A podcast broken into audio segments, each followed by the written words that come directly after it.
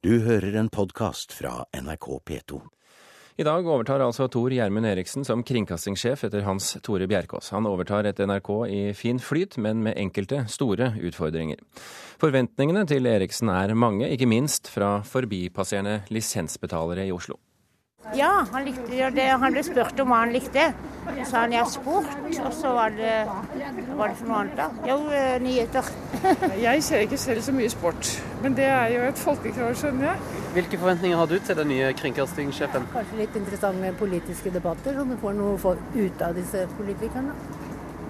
Ikke bare tåkesvar. Noen ganger syns jeg Dagsrevyen er i lengste laget. Jeg tenker meg kanskje litt kortere om hver enkelte nyheter, eller kortere oppsummering.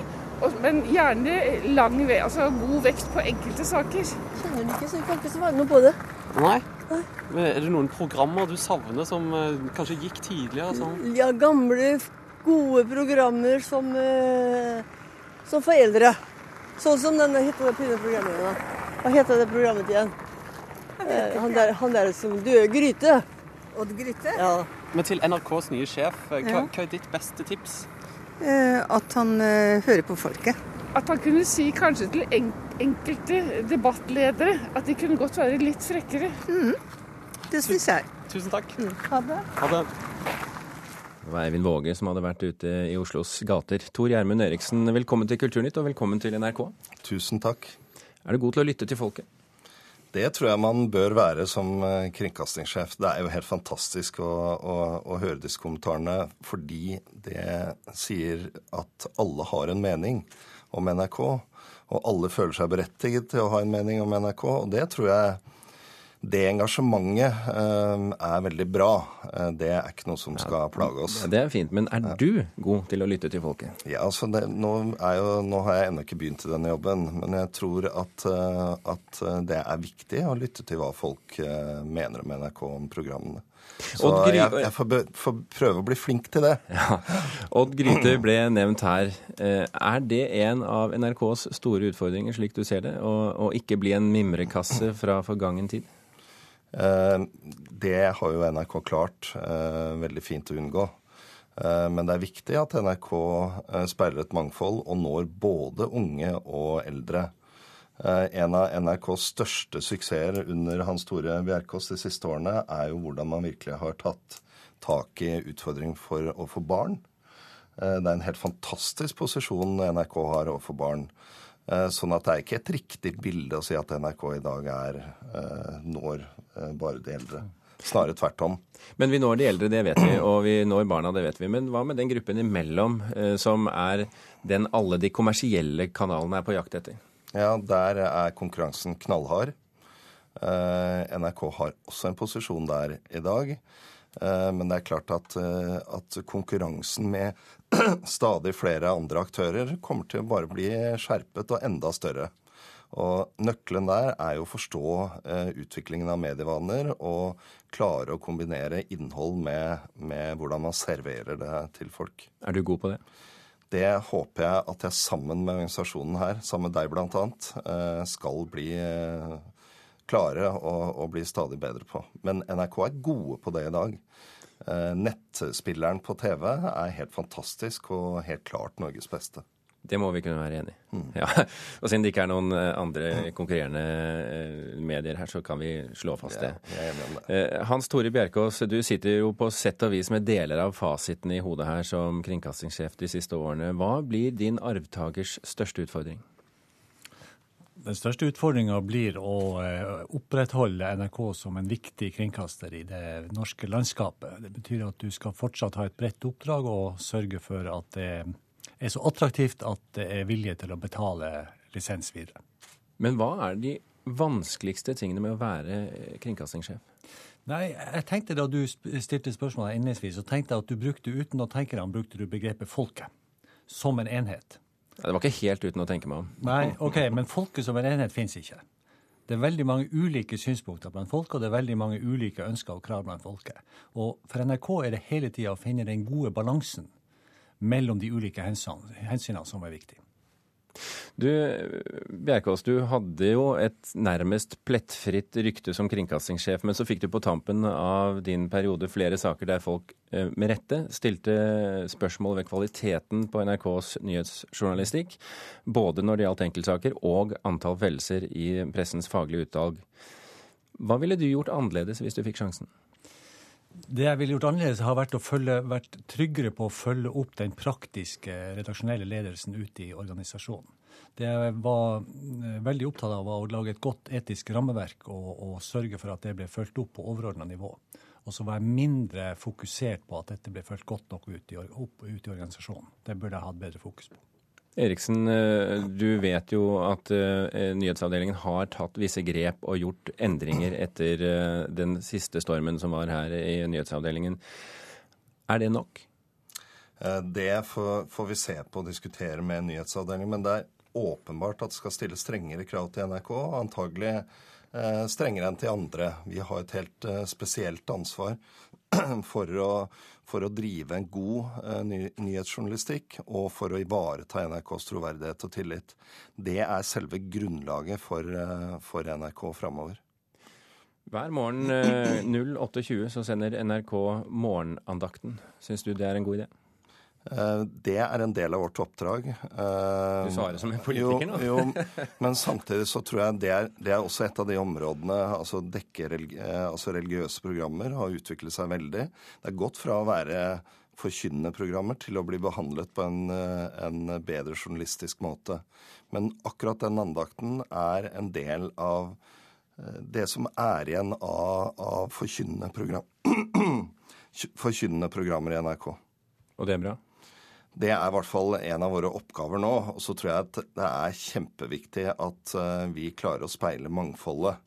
Eh, og det norske samfunnet er i ganske stor endring, og der har vi også en, en stor utfordring som, som, mediebedrift at vi når ikke den uh, våre nye landsmenn i like stor grad som, som Ola og Kari. Bjerkås, NRK er jo en stor bedrift eh, på størrelse med mange, og større enn mange lokalsamfunn rundt omkring. 3500 eh, ansatte, totalt 2,5 her på eh, Marienlyst cirka. Vi har eget postkontor, egen minibank, snekkerverksted, frisør, bensinpumpe, bilverksted, butikk. Hvor lang tid tar det før Tor Gjermund Eriksen får oversikt over alt dette, tror du? Nei, det går, eh, det går, På et overordna nivå så går det relativt, eh, relativt, raskt. Det er ikke noen sånne spesielle hemmeligheter her. og ikke noe, eh, ikke noe veldig uoversiktlig heller. Det henger egentlig ganske logisk sammen. Og alt som vi har på huset her, er jo brukt fordi det er rasjonelt for å støtte produksjonen. Og så får man se på om det er hensiktsmessig også i fremtida. Hva kommer du til å gjøre Eriksen, de nærmeste dagene nå for å bli kjent med hele organisasjonen? Håper jeg får tid til å gå litt rundt i huset, eh, snakke med folk, møte tillitsvalgte. Jeg har allerede brukt litt tid sammen med ledere her i huset, så nå gjelder det også å bli kjent med folk, organisasjon og, og, oppgaver. Og finne ut hvor postkontoret ligger. Ja, og ikke gå seg bort for mange ganger i løpet av en dag. Men jeg tror det skal gå bra. Tor Gjermund Eriksen og Hans Tore Bjerkås, tusen hjertelig takk for at dere kom til Kulturnytt.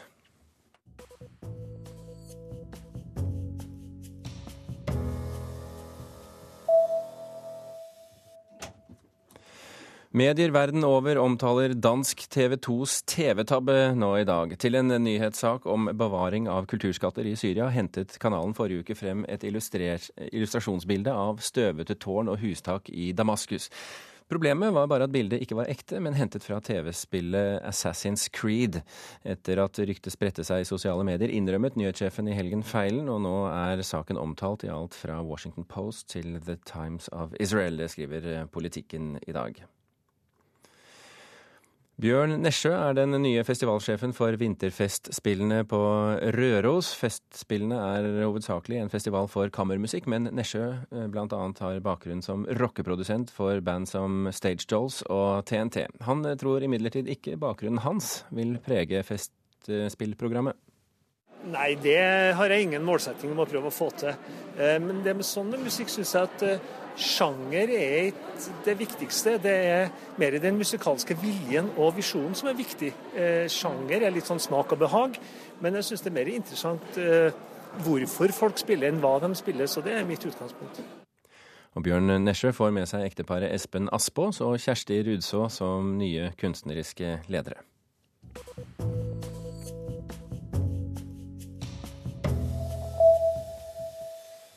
Senterpartiet og Sosialistisk Venstreparti snur tvert om og vil tillate at plate- og filmbransjen skal få lov til å etterforske og straffeforfølge piratkopiering på egen hånd. Oppgaver partiene tidligere mente politiet skulle gjøre. Nå får de kritikk for å være prinsippløse. I will prove that South American people sailed to Polynesia 1500 years ago. 10.12. i fjor ble den Oscar-nominerte filmen Kon-Tiki sluppet på DVD. Allerede dagen etter var den tilgjengelig ulovlig på fildelingsnettstedet Pirate Bay. Dette er stjeling av åndsverk, mener bransjen, og nå har Stortinget startet behandlingen av ny åndsverkslov som skal stoppe piratkopieringen. Et av tiltakene som foreslås er å la film- og plateselskapene selv få lov å granske og kartlegge datatrafikk, for så å kunne kreve at internettleverandører som f.eks. Telenor forteller dem hvem som eier datamaskinen det blir kopiert fra. Helt nødvendig, sier Marte Thorsby, direktør i plateselskapenes forening IFPI. For politiet har for mye å gjøre. Vi ser ikke at den situasjonen nå har endret seg slik at det er en reell mulighet å kjøre politisporet. Før lovforslaget kom på Stortingets bord, var Arbeiderpartiet alene om å mene at dette er en god løsning. Sverige har allerede et slikt regelverk, og på landsmøtet i 2009 vedtok SV at Norge ikke burde innføre dette.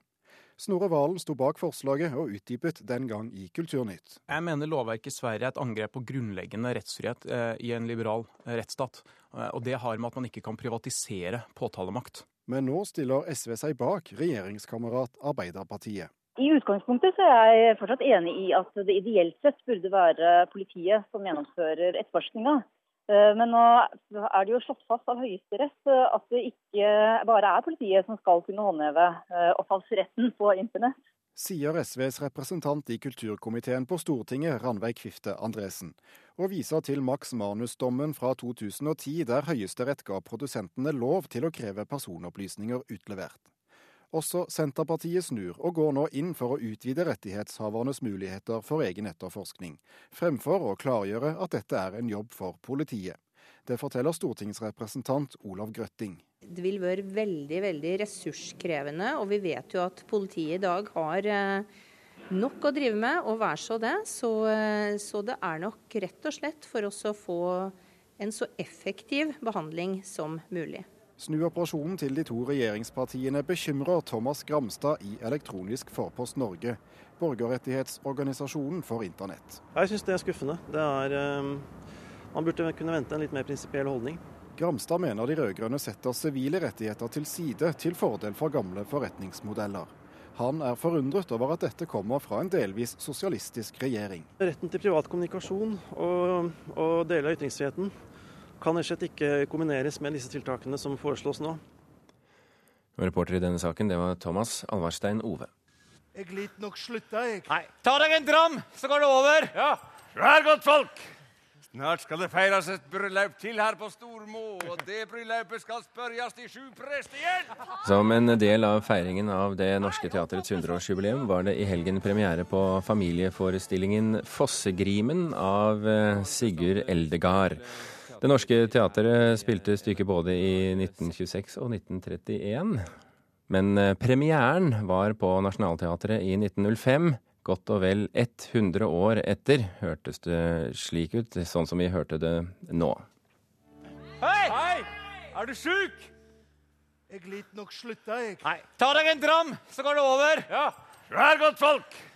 Snart skal det feires et bryllup til her på Stormo, og det bryllupet skal spørres de sju prestegjeld! Far! Hei, opp att med slåtten! Ja. Karen Frøsland Nystøyl, teaterkritiker her i NRK. Du har sett Fossegrimen nå i helgen. Først og fremst, hva handler dette stykket om? Ja, det var det. Det handler om en, en spellemann, Tarjei, som er så god til å spille på fele at ja, det fins ingen like i området rundt, og de lurer jo på kan han ha lært det av underjordiske vesener. Kan det være Fossegrimen eller Kvernkallen, Kvernknurren, som han nå heter i, i, på folkemunne, som har lært han å spille. Fossegrimen er en figur à la Nøkken, som er musikalsk, og som gjerne lærer vekk felespill, men det, det koster. Er dette en eh, god og relevant historie i 2013? Det er en, det er en interessant historie. Det er jo vår eh, våre folkehistorie, en av våre folkehistorier som løftes fram. Og det, det, de har gjort på Det Norske Teatret, det er at de har gitt den et enormt tempo, et enormt driv. For Tarjei, han han blir da huka opp av en meisterspelemann som vil ha han med seg til utlandet. Og det liker ikke den lokale fossegrimen. Og her oppstår det forvikling og problematikk som, som gjør at historien sklir ut for en, for for en vanlig publikummer. Um, men det er, det er en forestilling med en svak historie, eller en historie som er vanskelig å følge, både når du er voksen, men òg når du er barn. Dette er jo en forestilling som er meint på barn fra sju år og oppover. Men samtidig så er den pakka inn i fart og i et fantastisk musikalsk følge, musikalsk underlag. Men hvordan ser det ut på scenen, da? Ja, det, det står et orkester, eh, et, et spillelag, helt bakerst. Og så er det egentlig bare et kjempestort klatretårn. Um, mange norske lekeplasser har fått et sånn edderkoppnettaktige klatretårn, tau som man, barna kan klatre i. Og det et kjempestort sånt er det som står på scenen. Appellerer jo med en gang til mange av barna i salen. De har jo bare lyst til å springe opp og klatre sjøl med en gang. Men, men, hvordan reagerte barna i salen, da? Um, jeg, jeg, tror så lenge farta og musikken og, og de utrolig flinke danserne gjorde sitt, så tror jeg det var greit å følge med, for det var så spektakulært, så mye som skjedde. Men når, eh, når dette roer seg, så, så merka jeg på de barna som satt rundt meg, at, eh, at de sklei ut, og, og noen lukka rett og slett øynene og la seg litt til. Eh, og det syns jeg er synd, at man når man lager en familieforestilling, at ikke man kan ta vare på historien, for det er jo ikke gitt at en sjuåring, en åtteåring kjenner Selv om en kjenner folkeeventyr fra skolen og barnehagen, så er det ikke gitt at en kjenner de fortellingsmekanismene som presenteres her, for det er ganske innvikla. Man bør nesten ha lest, ha lest programheftet først for barna, så de kan ha en sjanse til å følge med. Men dette er jo altså Leif Stinnerbom, regissør, som bl.a. har fått med seg Frikars Hall, eh, Hallgrim Hansegard eh, som koreograf i forestillingen. Hvordan, har, hvordan ser vi uh, fingeravtrykket deres? Hallgrim Hansegards koreografi ser du veldig godt. Han har med seg et lag med dansere. Han danser ikke sjøl, men han har med seg et lag med dansere som er enormt flinke det er hallingkast, og det er kolbøtte, og det er dansere som er huka opp med, med, line i taket, sånn at de flyr over scenen, og de flyr opp mot toppen av klatretauet og ned igjen utrolig presist, utrolig tøft. Og de har òg fått med seg Det Norske Teatret sine skuespillere i denne dansen. Så det er et enormt tøft uttrykk, og fartsfylt uttrykk. Så det som trekker denne forestillinga ned, er jo nettopp det at ikke de klarer å fortelle en tydelig historie. Så hvis vi skal uh, ta en liten uh, oppsummering til slutt. Uh, konklusjon, hva vil du si? Jeg vil si at dette er en familieforestilling som dessverre er mest for de voksne. Karen Frøsland Nystøl, takk for at du kom til Kulturnytt. Vi skal inn i berget, for eh, norske gründere håper å lokke IT-selskaper til en gammel sildeoljefabrikk i Vadsø. Inspirasjonen er Facebooks etablering av et enormt datasenter i Luleå. Vi tror jo, og det var jo kanskje litt av eh, bakgrunnen for hele prosjektet, at eh, vi ønska å se på mulighetene for å lage ny industri, og få ny industri hit.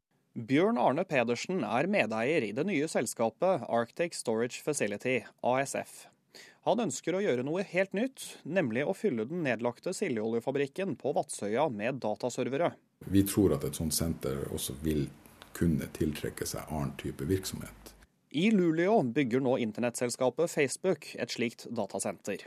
Det har gitt byen et kjempeløft, sier administrerende direktør Mats Engman i Luleå næringsliv. Etter et år så har vi skapt over 300 arbeidstilfeller hva det gjelder byggvirksomhet. Sen har det også blitt effekten at Facebook kjøper veldig mye lokalt. Man handler plåten til huset her lokalt, man kjøper glasspartier lokalt, man kjøper bygningsmaterial lokalt osv. Securitas som sköter säkerheten har cirka 20 anställda just nu i hallen. Så det har hänt väldigt, väldigt mycket på en väldigt kort tid i Luleå. Også på den gamle papirmølla Hamina datasenter i Finland er det stor aktivitet. Der har Google ansatt over 90 teknikere og annet personell. Nå prøver ASF i Vadsø å lokke dataselskaper hit. Rådmann Jens Betzy hilser planene velkommen. Jeg tenker at det kan bli veldig betydningsfullt. Et sånt datalagringssenter vil jo på mange måter kunne plassere Vadsø på kartet i, i, veldig mange andre sammenhenger. Du blir naturlig et sted hvor, som veldig mange ser til.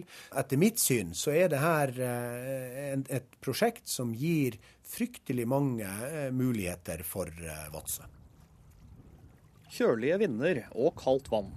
Det norske klimaet er perfekt for nedkjøling av store mengder datamaskiner, mener Pedersen i ASF. Håpet er å finne en eller flere kunder som vil etablere seg i Finnmark. Det bør være et attraktivt område, men det er store investeringer som skal til. Og man må jobbe aktivt og proaktivt for å klare å få kunder hit. Reporter her, det var Harald Stavseth. Når den tyrkiske nobelprisvinneren Oran Pamuk er ute med ny bok, er det all grunn til å følge med, ifølge vår kritiker Marta Norheim. Denne gangen er det ikke en roman, men seks kapitler om kunsten å lese og skrive. Få vil sette pris på å bli karakterisert som naiv eller sentimental i vår tid, men så er ordparet heller ikke nyskapt. Her lusker Schiller i kulissene, Friedrich Schiller, som står trufast på sokkelen rett ved sida av nesten alle Goethe-statuer, og som for drygt 200 år siden skrev klassikeren über naive und sentimentalische Dichtung. Da tydde orda noe annet enn i dag, og allerede her er Pamuk interessant. Som tyrkisk forfatter kommer han i bøkene sine stadig tilbake til at tyrkere må vende seg både østover og vestover med et åpent sinn, og ikke havne i den grøfta der en rakker ned på alt tyrkisk mens en lovpriser og kopierer det vestlige. En skal også vakte seg for den andre grøfta der en dyrker det tyrkiske og det asiatiske, i den grad at en stenger ute den vestlige kulturen fordi den er vestlig. Når han spiller på Schiller, understreker han både at han har et aktivt forhold til historia, og han markerer hva vestlig litteratur har hatt å si for han som forfatter. Dette går parallelt med en like uanstrengt bruk av litterære dømmer fra heimlandet og østover, og ikke minst fra Russland, som også ligger mellom vest og øst. Men altså, for Schiller er den naive kunstneren romantikeren, han som skriver spontant som en naturlig handling, mens den sentimentale er den som reflekterer over grepet han tek, som uroer seg over at språket ikke strekker til, og som vel veit at kunsten er nettopp det kunstig. Alt dette ifølge Pamuk, som her ser ikke bare to grunnleggende ulike forfattertyper, men også to ulike lesertyper, og til sjuende og sist to persontyper. De som tar verda for gitt, og de som hele tida grubler over eksistensen. Men dermed er vi bare så vidt i gang med det første kapitlet, som også er det beste, kanskje sammen med kapittel to, som har den talende tittelen Herr Pamuk, har alt dette virkelig hendt dem? Pamuk plasserer seg ikke i forskningsfronten når han reflekterer over litteratur.